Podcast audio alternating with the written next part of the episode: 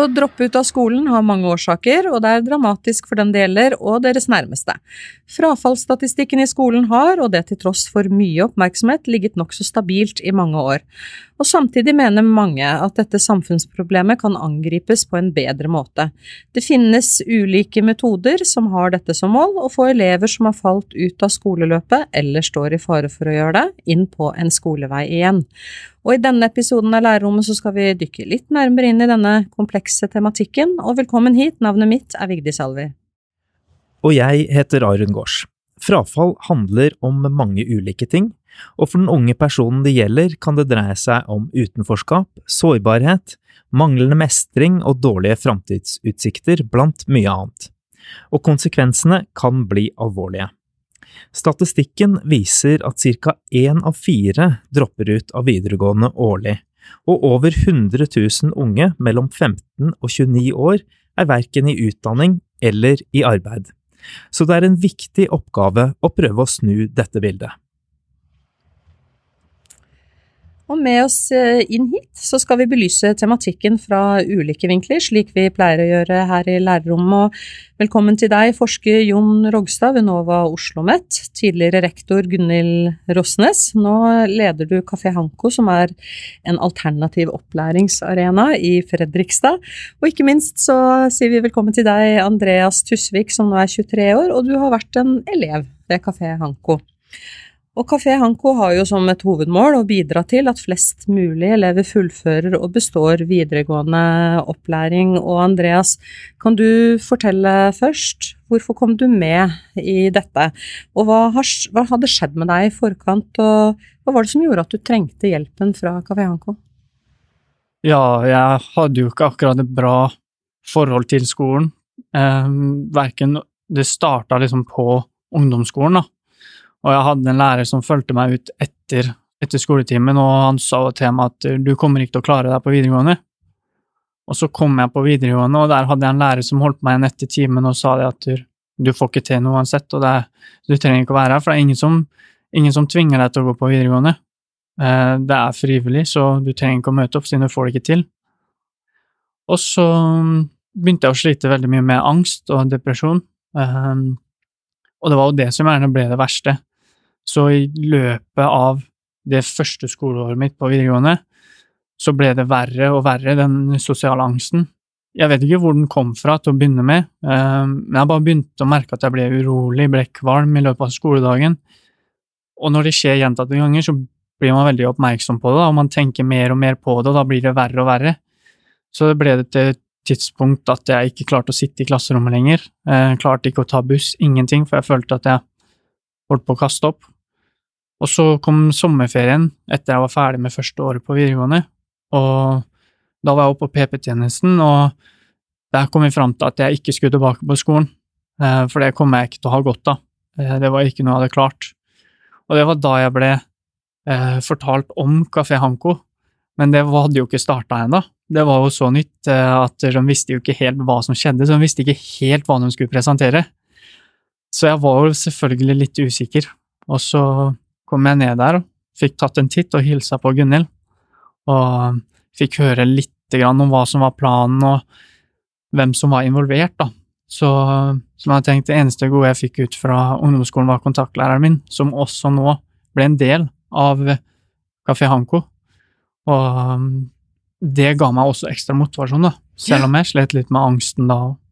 Du var jo med i Kafé Hanko i ett år, og etter det mhm. så fullførte du eh, videregående. Og det skal vi snakke også litt om seinere i episoden. Men hva var det viktigste du lærte det året på Kafé Hanko? Hva var det du gjorde? Det viktigste jeg lærte, var vel kanskje at jeg ønska å ville hjelpe andre fra der jeg en gang var, til der jeg er nå. Ehm, for jeg så jo utviklingen i meg sjøl, takket mm. være de andre som var på Kafé Hanko, og det, det jeg tok på meg der, var at jeg fikk tilbake selvtilliten min, og gleden og håpet, og at jeg da lærte at jeg ville hjelpe andre eh, til å få det håpet tilbake, da, og vise at det er vei videre framover, selv om du ikke har klart skolen, i hvert fall på første forsøk. Og det tar jeg er vel kanskje det viktigste jeg tar med meg derfra. Mm. Og du, du, jobbet, da, ikke sant? Det er det du gjorde der? Ja, så vi gjorde jo veldig mye forskjellig der på Mm. Kafé Hanko. Det er en kafé. Mm. Jobba i kafé, og så var jeg utplassert i et musikkstudio en dag i uka. Hadde Mm. norsk eh, to timer, samfunnsfag to timer. Mm. Så vi gjorde, gjorde mye forskjellig, eh, Mm. egentlig. Så, og det viktigste av alt, man blir sett, og man blir heia på, og man blir backa opp. Ja, nå har du jo sagt litt, men, eh, men hvorfor syns du dette er et, et bra alternativ for ungdom som deg selv, da, som eh, faller ut fra skolen? Det er jo at det, som jeg så på livet helt sjøl, var at det var helt mørkt. Og det, jeg visste jo ikke hva jeg ville bli, jeg visste ingenting. Jeg bare visste at det, alt som gikk igjen i hodet på meg, var at det, du får ikke til skolen, da kan det ikke bli noe ut av det. Og det var det jeg gikk og tenkte hele, hele veien, og jeg hadde ikke troa på meg sjøl i det hele tatt. Men det var det jeg fikk, da. Når jeg begynte på Kafé Hanko i løpet av det året, så fikk jeg troa på meg sjøl, og jeg visste at jeg kan veldig mye, selv om ikke skole var noe jeg fikk til da. Kafé Hanko startet jo som en kafé, eh, men består i dag av tre ungdomsbedrifter som også driver annet eh, bygg og anlegg, eh, eller medier og foto. Hva var tanken bak Kafé Hanko, og hvorfor valgte dere å lage akkurat disse arbeidstilbudene? Tanken bak Kafé Hanko var at vi eh, Vi fikk jo selvfølgelig et oppdrag fra fylkesdirektøren i Østfold. eh, Fordi at vi hadde kommet dårlig ut på Riksrevisjonens eh, rapport, og vi hadde få tilbud for ungdom som var utenfor opplæring og skole. Og da fant vi jo veldig fort ut at det som Vi måtte jo gjøre noe annet. Ikke at vi måtte, kunne ikke bare fortsette med det samme som vi gjør i skolen. I hvert fall så måtte vi gjøre noen modifikasjoner på hva vi tenker var viktig for å få motivert ungdommene. Og jeg tror Andreas han er jo inne på det, det, det å bli møtt, sett, hørt, respektert og anerkjent, eh, det, er, det, er liksom, det begynner der. Eh, Og så er det noe med å skape meningsfulle dager. Rutiner i livet, ungdommene kommer, har kanskje kommet ut av det.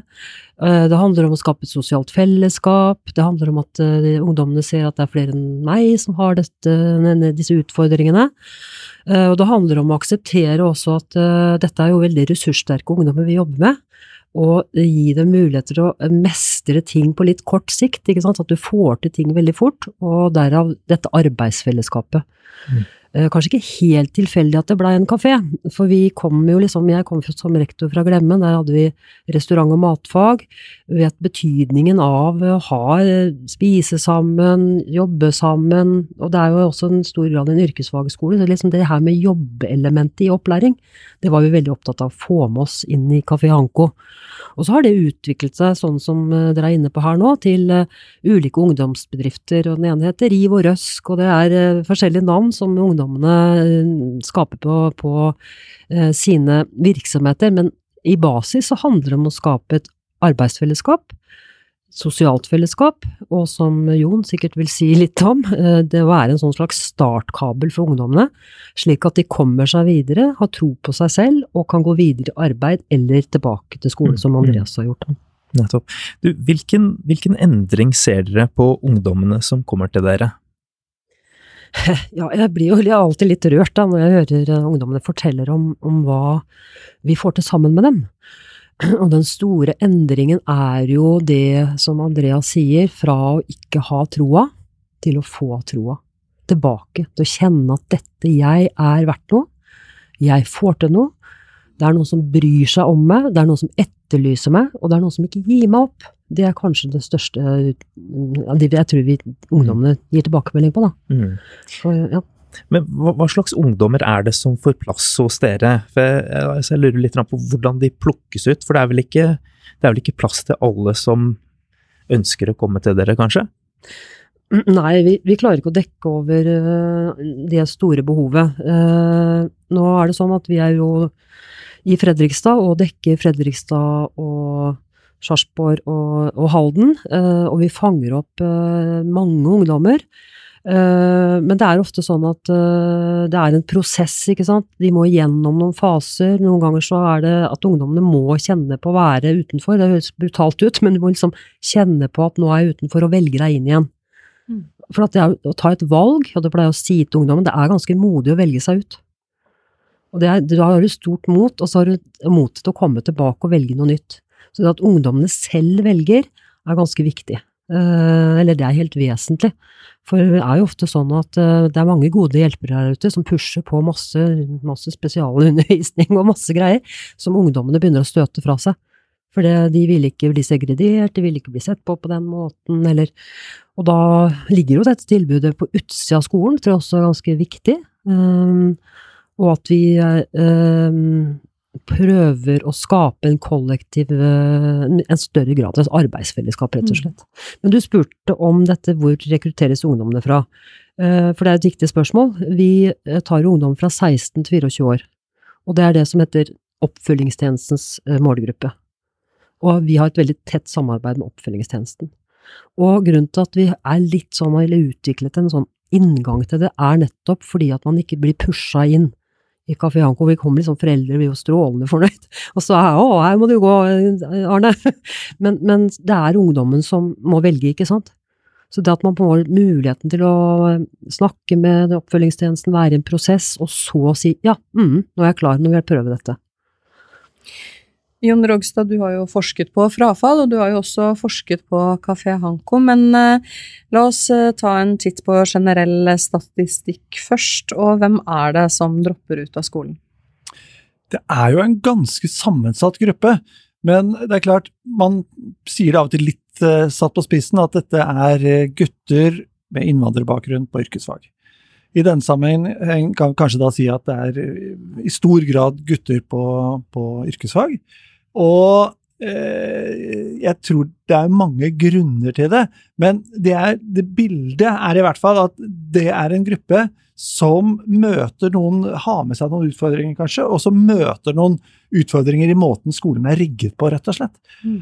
Og, og jeg, jeg, tror det er, tror det er liksom verdt å ta med at 98% begynner i videregående. Liksom, det er ikke der problemet er. Folk starter. Men man mister dem og da er det et problem som vi, liksom ikke, vi, vi trenger å diskutere i denne sammenhengen. Mm. Ja, hovedgruppene nevnte du her, og så har vi jo her eh, Andreas som et eksempel på mm. eh, en gruppe som også hører inn i den statistikken. Og frafallsprosenten har jo ligget nokså stabilt. Hvorfor er det slik?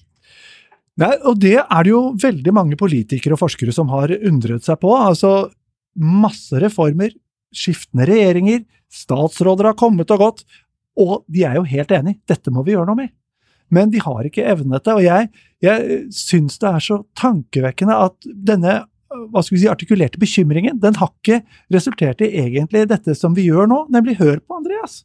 Ikke gjør det så veldig vanskelig.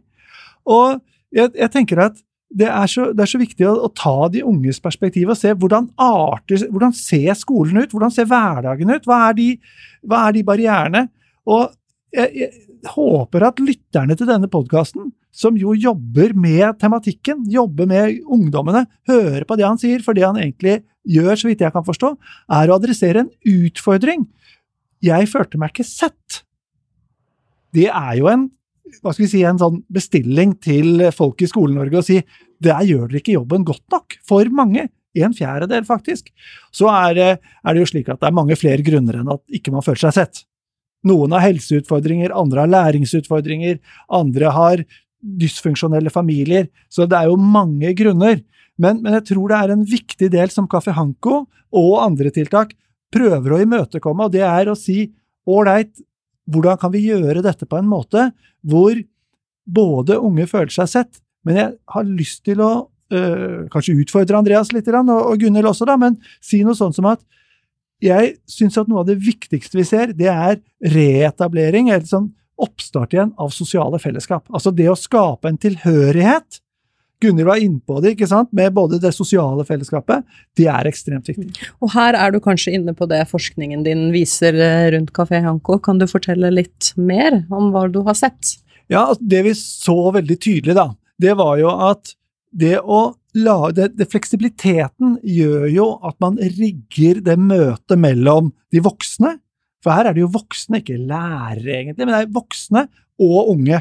Altså at det er en mer sånn flytende overgang. Man spiser sammen, man har et sosialt fellesskap. Så det blir liksom mer porøse grenser, blir mer flytende mellom de voksne og, og, og de unge. Og det er den ene delen som jeg tror er ekstremt viktig, og maten som man sitter og samler seg rundt. Og så er det to elementer til jeg vil trekke fram. Det ene det er at man gjør noe man er ordentlig stolt av. For det er klart, man har ikke lyst til å være Det å oppleve seg Du sa det, Andreas, at jeg følte jeg ikke fikk til noe. Og det å få en mestring, det å liksom kunne være stolt av, og kunne vise i sosiale medier, og her er det fantastiske måltider, eller man har gjort en strålende jobb på det ene eller det andre, det er jo kjempeviktig for unge, som for oss alle. Så, så den delen tror jeg er kjempeviktig. Og så tror jeg det at man får startet litt på nytt med litt sånn nye sosiale fellesskap, fordi man blir jo litt sånn Man går gjennom mange år på skolen, det er de samme menneskene dag ut og dag inn. Man kommer på en måte inn i en slags sånn et, eh, en rang, da. Man finner sin plass. Og det å få resatt dette, det er ekstremt viktig for veldig mange. Mm. Og dette er noe som du tenker kan fungere mot frafall andre steder også?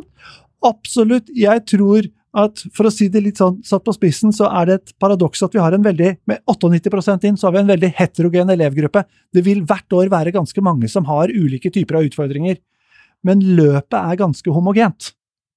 Og da tror jeg det rett og slett er slik vi trenger fleksible læringsarenaer. Du trenger litt ulike måter. Så hvis vi holder fast ved at alle skal gjennom videregående, da krever det faktisk ganske mye av riggen rundt. Mm. Enkleste måten å få ned fraværet på, nei, frafallet på, det er jo selvsagt at ikke alle begynner i videregående skole.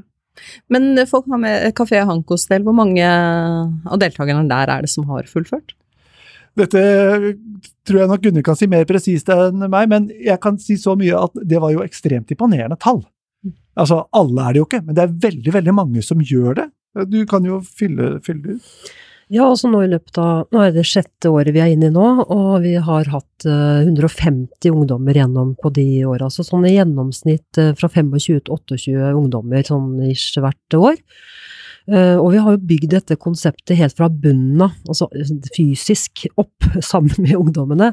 Uh, og det som vi gjør, da, som Andreas var også inne på, én ting er at man har forskjellige typer arbeidsoppgaver, og så bygger man kompetanse ut fra de læreplanmåla. For eksempel jobber du i kafeen, så har du læreplanmål for for salgsfag, du har et læreplanmål for kokkefag, du har liksom en masse læreplanmål som du da bygge, kan bygge opp en, en, en kompeta et kompetansebrev, og som er dokumentert i videregående. Så det er ganske viktig at det ligger under en skole, for da får du dokumentert kompetansen din.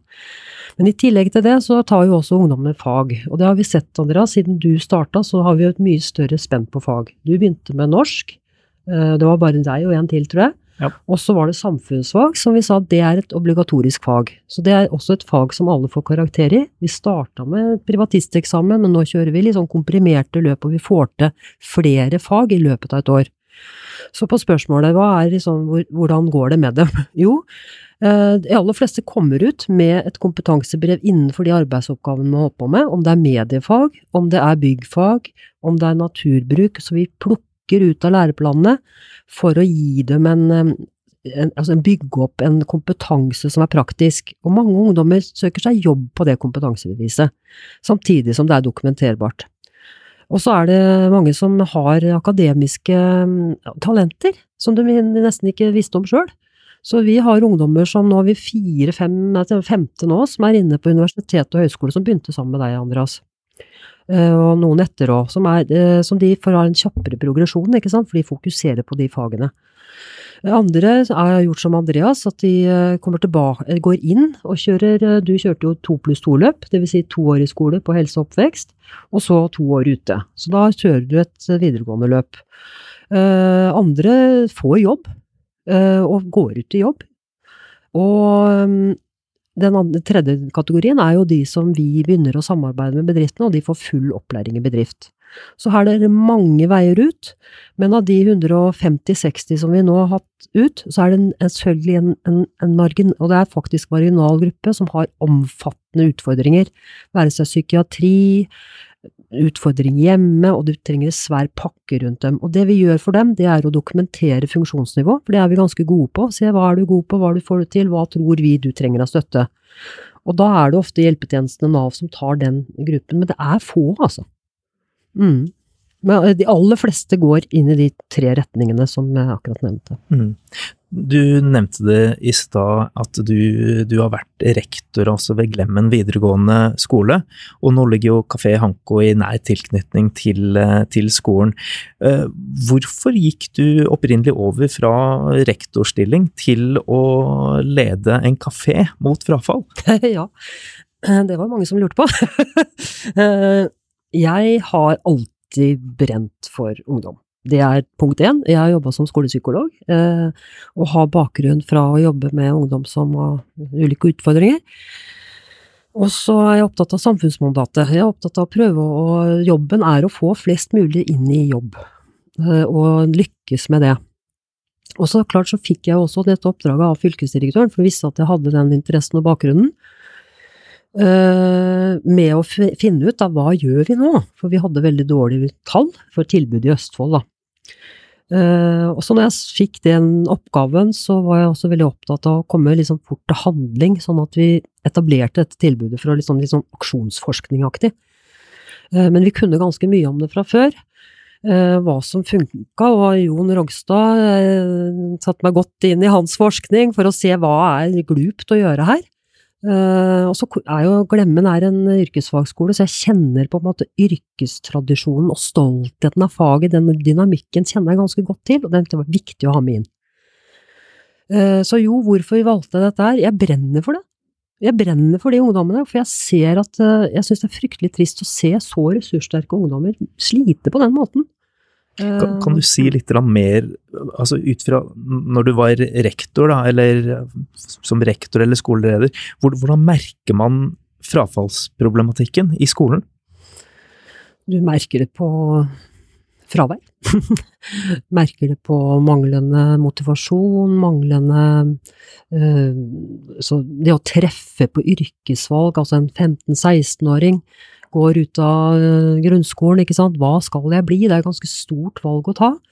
Eh, noen tar liksom på en måte, så utsetter dette yrkesvalget ved å ta tre år studieforberedende, ikke sant. Da har du utsatt det litt, du bare følger litt strømmen.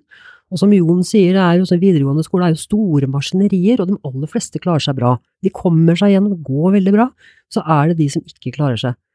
Og jeg har undra meg litt på er det sånn, det er jo et politisk spørsmål selvfølgelig, men er det sånn at alle skal trøkkes gjennom den forma?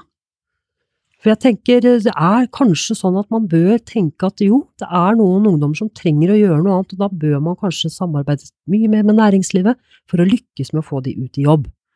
Ja, Det er ikke tvil om at dette er et stort felt, men uh, ikke for å gå helt dit ennå, Rogstad, men du hadde noen kommentarer her? Ja, det er bare, jeg synes det er så viktig å få fram dette at vi snakker om frafall liksom, nesten som om det er en handling, det er en beslutning fra 0-1, men det vi ser er jo at det er en prosess. Lang prosess, og det er bare plutselig en dag så slutter man å gå tilbake igjen. Eller, altså Den unge slutter å gå tilbake igjen, og tilsvarende er det en prosess å komme i gang igjen. For det er jo det vi ser. Veldig mange kommer jo tilbake igjen, så, så tid hjelper. Men det som jeg har litt lyst til å, å si, det er i forhold til Kaffe Hanko og andre typer av tiltak. det er i, i dagens Skole-Norge så opplever jeg at man diskuterer liksom dette langs to akser. Det ene er la oss styrke den enkelte. La oss gjøre dem mer robuste, la oss tilføre dem, gi dem ekstra undervisning, hva enn det er for noe som skal gjøre dem bedre i stand til å håndtere hverdagen. Eller så sier man vi må endre skolen. Vi må gjøre dette på en annen måte. Og det som jeg tror det er verdt å, å, å ta inn her, er dette kombinerer litt begge deler. For veldig mange av, av, tiltakene de er sånn, de skal gi de unge en mestringsopplevelse. Så tenker man da går dette kjempebra. De fikk en selvtillit. Men det er jo ikke nødvendigvis en overføring mellom en sterk mestringsopplevelse på noe helt annet og det å, å, å sitte i klassen eller kunne fullføre skolen. Så det interessante og som er viktig å, lære av Kafahanko, tror jeg, for veldig mange andre, det er å se hvordan kan vi både tilføre en opplevelse av mestring, jeg er noe, jeg får til noe, jeg kan noe, som gir drømmer og gir en visjon, men å så lande den opplevelsen inn i noe som gir kompetansebevis. Det er jo dit vi på et eller annet vis uh, skal. Og det, det er en litt sånn utfordring som jo krever noe, men når man da sier dette koster så mye penger, det er så vanskelig, da er det veldig lett egentlig å ta opp statistikken som forteller hva det koster det norske samfunnet. For ikke snakke om hva det koster for de unge eller som etter hvert også blir voksne, som blir stående utenfor. Så det er nok verdt å ha disse litt større bildene inne, for ellers så blir debatten veldig sånn karikert. La oss bare gi de ungene, og så går dette av seg selv. Nei, det gjør ikke det. Vi må tenke, ha to tanker i hodet for å kunne gjøre noe. Ja, og du sa jo at det er jo flere lignende tiltak eller prosjekter, for å kalle det det, og et annet frafallstiltak heter jo Flyt, og det har du mm. også forsket på, og det er retta mot ungdom på tiende trinn. Mm. Eh, og dette, i dette prosjektet så blir livsmestringskompetanse, eller manglende livsmestringskompetanse, sett på som en av hovedårsakene til, eh, til frafall. Og sosial tilhørighet blir jo også i det prosjektet, som vi har hørt i denne episoden, trukket fram som et nøkkelord for å få ungdom til å, mm. til å fullføre. Og vi har sagt litt om det her, men kan du si litt mer om hvorfor akkurat det er så viktig? Det viktige med flyt er jo å komme litt tidligere, prøve å forebygge. Altså, og det er to ting. Det ene er jo å hjelpe de unge i forhold til å bli litt sånn klar over hvem er jeg? Og ikke minst hva jeg har lyst til. Det er jo slik at veldig mange av eh, de unge som eh, baler med sine valg, gjør jo det fordi at det eneste de vet, er at jeg vil ikke fortsette med skole sånn som jeg kjenner det. Og det er et veldig dårlig grunnlag for å velge skal jeg bli, hvis jeg skal begynne på yrkesfag, yrkesfag skal, jeg velge, skal jeg satse på å bli frisør eller tømrer? Det er ikke så rart at mange velger feil, fordi man, man, vet ikke nok. Og så Det å bli klar over hvem er jeg, sine styrker og sine egenskaper og ønsker, men også å få et bedre rett og slett sånn valg av eh, hva, hva, Få orientering om hva som er mulighetene.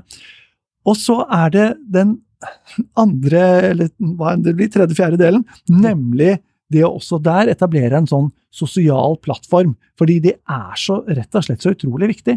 At det er så mange som har opplevd mobbing. Vi får jo ikke ned mobbetallene i skolen. Det er så mange som opplever ulike typer av utenforskap. Så det å lage noen fellesskap som gjør at man rett og slett har det ganske bra, er utrolig viktig. Og det er klart, det bør komme inn ganske tidlig.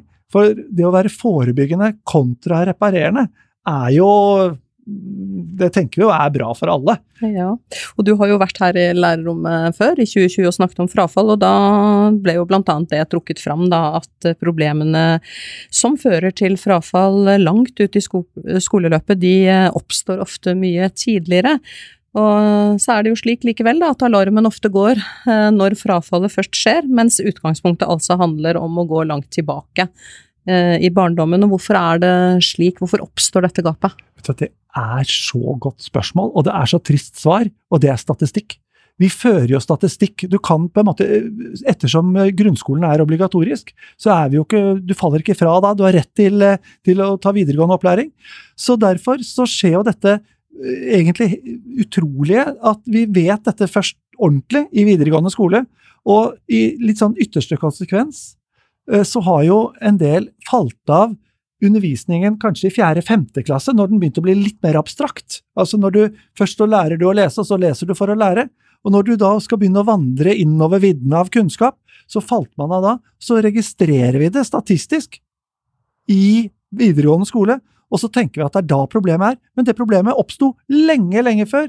Og det er klart, det er en lang vei tilbake igjen, hvis du da skal tilbake til fjerde-femte klasse og ta, få med deg de ferdighetene som er nødvendig for å henge med i, gjennom ungdomsskolen og videregående. Eh, jeg vil tilbake til deg, Andreas. Nå er det lenge siden vi har hørt fra deg. Dette som, som eh, Rogstad er inne på her med sosial tilhørighet, er dette noe du kjenner deg igjen i som viktig for å, komme deg videre og lykkes? Ja, det er jo Folk har jo forskjellige historier og forskjellige sosiale nettverk, og det byr på forskjellige goder og negative sider, og det Det, det kan være make or break, egentlig. Det, det å føle at du du har noen trygge, noen gode rundt deg, da, at du hører til et sted, og at uh, Ja, det, det er, kan være alt. Du, du, har jo fortalt oss i forkant at du fant uh, både trygghet og støtte og samhold på Kafé Hanko. Uh, hva slags situasjoner kunne du oppleve dette i? Det startet jo med at jeg hadde kom dit med mye angst, sosial angst, og det som hjalp meg der, var jo at alle som var der, var der for en grunn, og alle var flinke til å støtte hverandre, eh, for vi visste at vi alle trenger det, og at det bare ville hjelpe, hjelpe oss alle, og det var jo det som gir deg trygghet, da, og det var da angsten begynte å roe seg mer og mer. Det var da jeg klarte å utvikle meg og klare å tørre å prøve litt ekstra, da, for du, hvis du er et sted eh, hvor du ikke føler deg trygg, så er det vanskelig å utfordre seg sjøl og ta skrittet videre. Så du må liksom være et sted da, hvor du føler deg trygg, for å så klare å utfordre deg litt etter litt, da. Og det er jo det Kafé Hanko var for meg, det var et trygt sted å komme. Du, du nevnte et konkret eksempel da du jobba i kafeen og Mhm. skulle servere noen, og så fikk du en reaksjon på det. Kan du fortelle om det? Ja, det var jo sånn når du hele tiden har gått fra å bli fortalt at du får ikke til noen ting, du trenger ikke å være her for du får ikke til, liksom, til å komme et sted hvor de heier på deg som bare den, og jeg husker jeg gikk og serverte noen et kakestykke, og så kom jeg tilbake igjen, og jeg tenker liksom, det er jo ikke noe spesielt, liksom, jeg har bare gått og gjort det, men der kommer en voksen og skryter av meg som bare den, og jubler på, og jeg står her og tenker bare, har jeg vunnet VM, eller hva er, hva er det som skjer her, liksom? Jeg har servert noen kakestykker. Og det, det gjør deg jo glad. Og det er jo en helt annen situasjon enn det jeg har hatt tidligere i livet på skolen.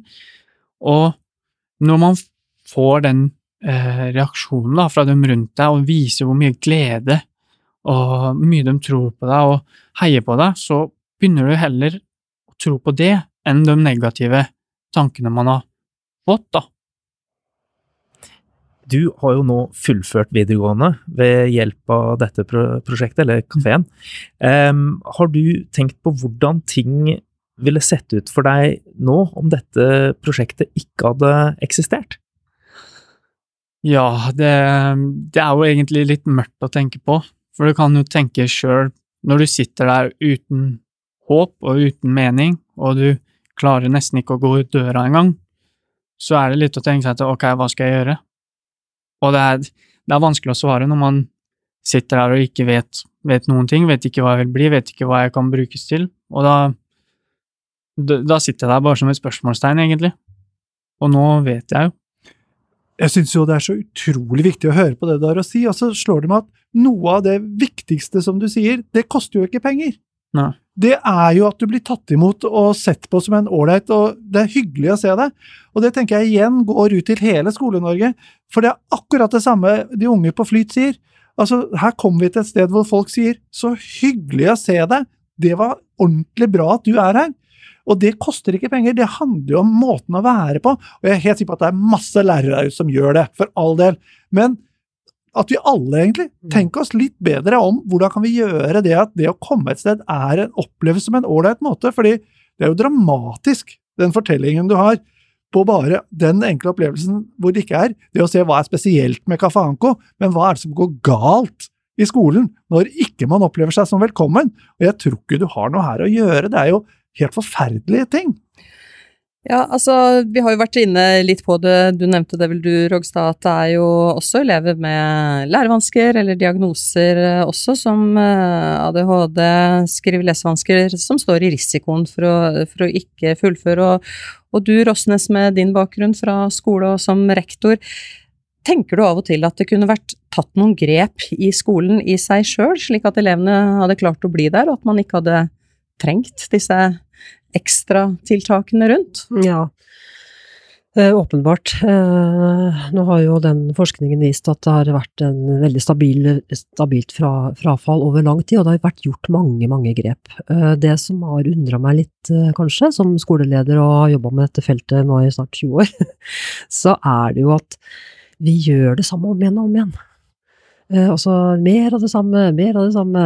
Og så er det at det kommer nye reformer, og vi som jobber med skole og, og er lærere, og vi vet jo hvor ressurskrevende det er med fagfornyelsen, nye opplæringslover, forskrifter som skal implementeres. Eh, ikke sant? Det er veldig, veldig ressurskrevende. Eh, og det er litt sånn som Jon Rogstad sier, ikke sant? at det, noen ganger så er det det, det lille som skal til. Og det handler om det derre Ja, altså jeg hadde jo hatt noen sånne Vi hadde på Glemmen òg, som jeg har også hatt på, på Hanko, det å si hei og ha det. og hvem eh, opplever ikke gleden ved at noen sier hei til deg når, eh, når du kommer inn i et rom? Det, sånn er det jo med alle. Det er arbeid, enhver arbeidsplass hvis folk eh, slutter å si hei og ha det til hverandre. Det er helt elementære ting.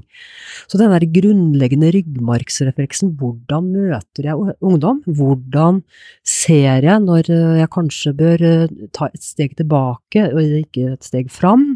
For det er jo sånn hva trigger ulike ting hos ungdommen. Og det her er det jo liksom mye kompetanse på det. Jeg tror ikke liksom, og det må øves på hele tida. Jeg tror liksom eh, det er en sånn eh, muskel som eh, hele tida må trenes på å være sensibel og åpen overfor ungdommen, og, men også stille krav, for det tenker jeg sånn Arbeidslivet så blir det stilt krav til. Og jeg har pleid å si at det å ikke bli stilt krav til, da bryr du deg ikke. Hvis ikke du liksom på en måte tør å si det er ikke greit, den, den skal gives, det er ikke der. Hvis ikke du tør begynne å se bort. Og jeg kan jo forstå mange lærere òg, for at jeg jeg har vært rektor, og, og det å jobbe med det prosjektet her har jo gitt meg et innsyn i hvor komplekst det er når du har en klasse på 30 eller 15, og mange av de har store problemer, og du er kjempelojal mot alle læreplanene og alt du skal gjennom i løpet av et år, på gitte timer, med arbeidsavtaler, og jeg vil jo si at jeg syns mye av det er veldig rigid. Ikke sant? At man har kanskje ikke den fleksibiliteten. Så blir man sliten, og man har mindre energi. Så det er liksom på en måte Det er forståelig at uh, man ikke klarer alt hele tiden. Uh, så mye av den investeringen, den er kostnadsfri, for det handler om et sånt mindset og noen verdier som vi skal formidle til ungdommen, og være gode rollemodeller. Vi skal være gode folk, og da blir, er vi gode rollemodeller overfor ungdommene. Men jeg tror også at vi må nok uh, også innse at uh, hvis vi skal evne det, så trengs det å bruke ressurser inn i skolen. Det er klart de gjør det. Det er, uh, når klassene blir for store og utfordringene blir for store, så må, så må, man på en måte ha flere folk som kan hjelpe ungdommene gjennom de læringsprosessene som skal til for å nå disse måla. Men jeg vil også tilbake igjen til, for jeg har tenkt så mye på det, for nå kommer det jo en ny opplæringslov om ikke så lenge. Og man får jo økte rettigheter, og det er veldig mye bra som kommer med den. Eh, men jeg har alltid hatt en sånn eh, ja, hva skal jeg si, en kongstanke om at jeg tror vi gjør lurt i også å samarbeide mye tettere med det systemet som er utenfor oss. Sånn at, og det handler om hjelpetjenester og kommuner og overganger og alt det, men den viktigste i forhold til kompetanse næringslivet. At vi har mye mer læring og læringsopplevelser ute i næringslivet, det har jeg alltid hatt veldig tro på, og det er jo mye av det som Kafé Hanko er tufta på. Mm. Så vi må gi litt slipp på elevene, jeg må ikke tro at vi skal lære dem alt. vi må tørre å få de ut på andre uh, arenaer og uh, kompetanseområder, altså på hjelpetjenester, men også ikke minst av næringslivet, for å um, skape mm. større fleksibilitet. Mm. Vi nærmer oss eh, straks slutten på denne episoden, men eh, vi er litt mer innom det teoritunge skoleløpet.